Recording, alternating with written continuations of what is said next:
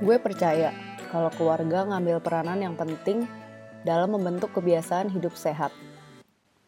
Di hari ke-9, challenge 30 hari bersuara, temanya adalah keluarga.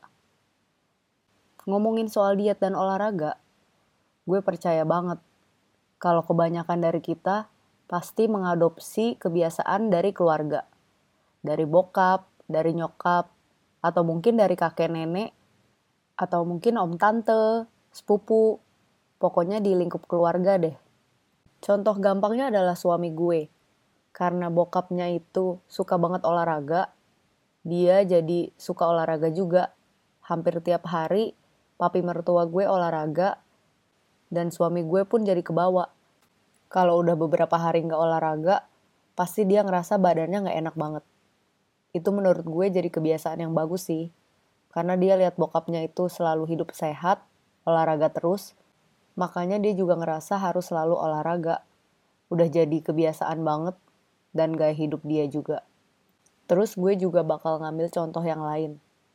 Ada keponakan gue yang gak suka makan sayur karena bokapnya juga gak suka makan sayur. Menurut gue sih ini dilematis banget karena gimana pun juga, sayur itu nutrisinya bagus dan penting banget, apalagi buat anak-anak di masa pertumbuhan. Lalu gue juga denger cerita dari temen gue, di mana suaminya itu baru tahu di usia dewasa, pas dia udah menikah, kalau sebenarnya mamanya nggak suka makan sayur. Tapi dari kecil, mamanya itu selalu makan sayur di depan anak-anaknya, di depan suaminya temen gue dan adiknya, karena dia pengen anak-anaknya tuh suka makan sayur. Jadi pas mereka udah gede, mereka baru tahu kalau mamanya itu nggak suka makan sayur. Bener-bener hebat sih, hampir 30 tahun mamanya tuh nahan makan sayur walaupun dia nggak suka demi anak-anaknya. Ya bisa dibilang anak itu kan cerminan dari orang tua ya. Jadi kalau orang tuanya terbiasa nggak memiliki gaya hidup sehat, anaknya pun juga bakalan begitu. Gue sendiri punya temen yang keluarganya terbiasa dengan gaya hidup sehat. Jadi dari kecil mereka itu jarang banget makan daging. Sarapan pun makannya oatmeal. Jadi di usia dewasa dia juga nggak gimana banget sama makanan-makanan yang nggak sehat. Karena dia udah tahu manfaatnya buat badan dia sendiri. Keluarganya juga suka banget olahraga.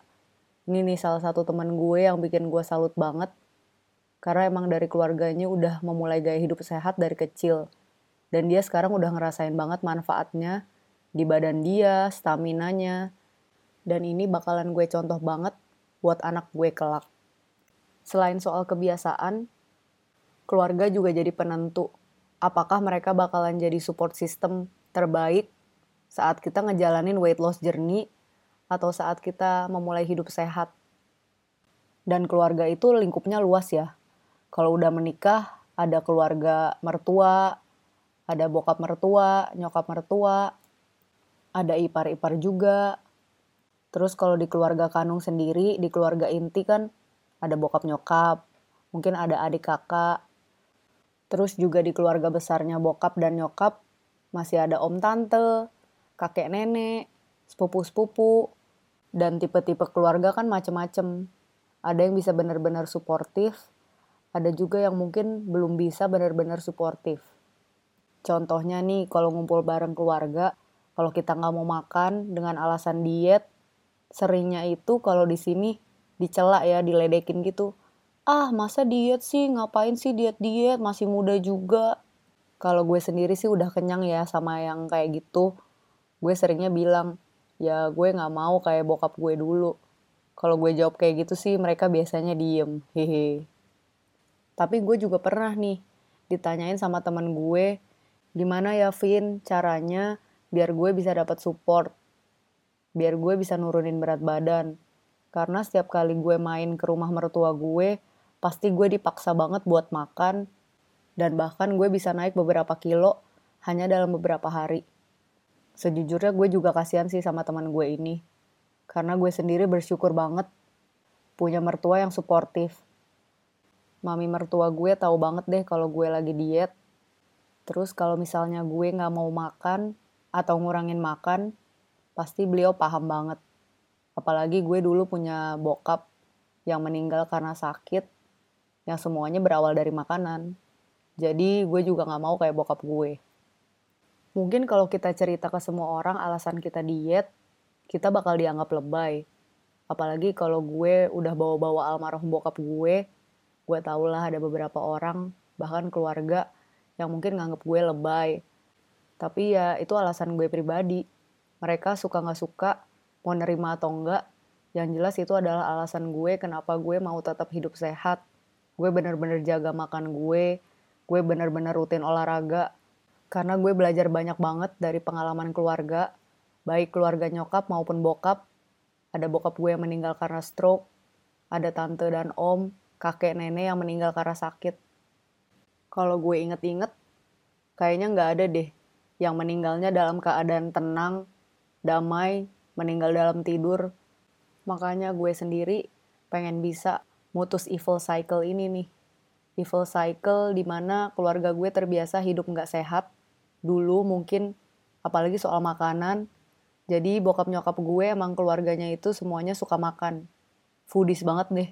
Suka banget makan, suka banget masak. Atau mungkin orang Indonesia secara keseluruhan ya. Ya kalau ngumpul-ngumpul keluarga ngapain lagi selain makan. Dan seringnya makanan yang dimakan rame-rame tuh gak sehat. Tapi ya dari sini gue belajar. Keluarga jadi guru terbaik buat gue supaya nantinya gue bisa punya keluarga yang lebih sehat dan tentunya jadi orang tua yang sehat buat anak-anak gue kelak. Terus kalau misalnya nih teman-teman diet pengen banget ngajak keluarga kalian, bokap nyokap, mungkin adik kakak, atau pasangan, suami atau istri kalian, supaya bisa mulai hidup sehat juga. Kalau emang susah banget diajaknya, mending kalian mulai dari diri sendiri aja sih. Apalagi kalau mereka bisa ngeliat perubahan yang kalian rasain, lahir batin, pasti mereka juga pengen lama-lama tertular. Gue percaya sih energi positif itu besar banget dan bisa mengalahkan energi yang negatif. Jadi kalau kalian semangat ngejalanin weight loss journey, berdiet dan olahraga, apalagi di tengah keluarga kalian, kalian bisa banget jadi berkat dan pengaruh yang baik buat keluarga kalian. Apalagi kan kesehatan emang penting banget. Dan di pengalaman gue sekarang, kan gue tinggal bareng suami nyokap dan adik gue yang besar. Kita tuh selalu usahain makan sayur yang banyak. Bahkan di awal pandemi sempet plan base banget makannya. Walaupun sekarang mungkin lebih kayak flexitarian. Jadi banyak makan sayur tapi sesekali masih makan daging, ikan, dairy. Pokoknya support dari keluarga emang penting banget. Kebiasaan di keluarga penting. Apalagi buat teman-teman diet yang mungkin seumuran gue baru menikah juga, terus sudah punya anak, penting banget loh buat membentuk kebiasaan positif di keluarga, terutama buat kalian dan anak-anak kalian, karena itu adalah investasi terbaik. Gak cuma mikirin investasi buat pendidikan anak aja, tapi investasi kesehatan dengan memiliki gaya hidup sehat sejak kecil buat generasi anak-anak kita dan juga hari tua kita kelak. Mungkin masih terlalu jauh ya, tapi ya kalau nggak dari sekarang mulainya kapan lagi? Karena gue sendiri pun belajar dari pengalaman bokap. Yang dulu tuh kerja keras banget, lembur gila-gilaan. Mungkin gak mikirin kesehatan mental dia juga, kesehatan fisiknya. Udah cari duit banyak banget, sampai capek. Tapi semuanya habis gitu aja karena sakit. Sepele sih mungkin kedengarannya. Tapi beneran deh, lelah banget. Karena begitu satu anggota keluarga sakit, para anggota keluarga yang lain juga bakalan otomatis ikut sakit, terutama secara mental. Kayaknya segitu aja untuk hari ke-9 challenge 30 hari bersuara yang gue ikutin bareng The Podcasters Indonesia. Makasih ya buat kalian yang udah dengerin episode kali ini. Sampai ketemu di episode podcast Cerpin berikutnya. Bye-bye!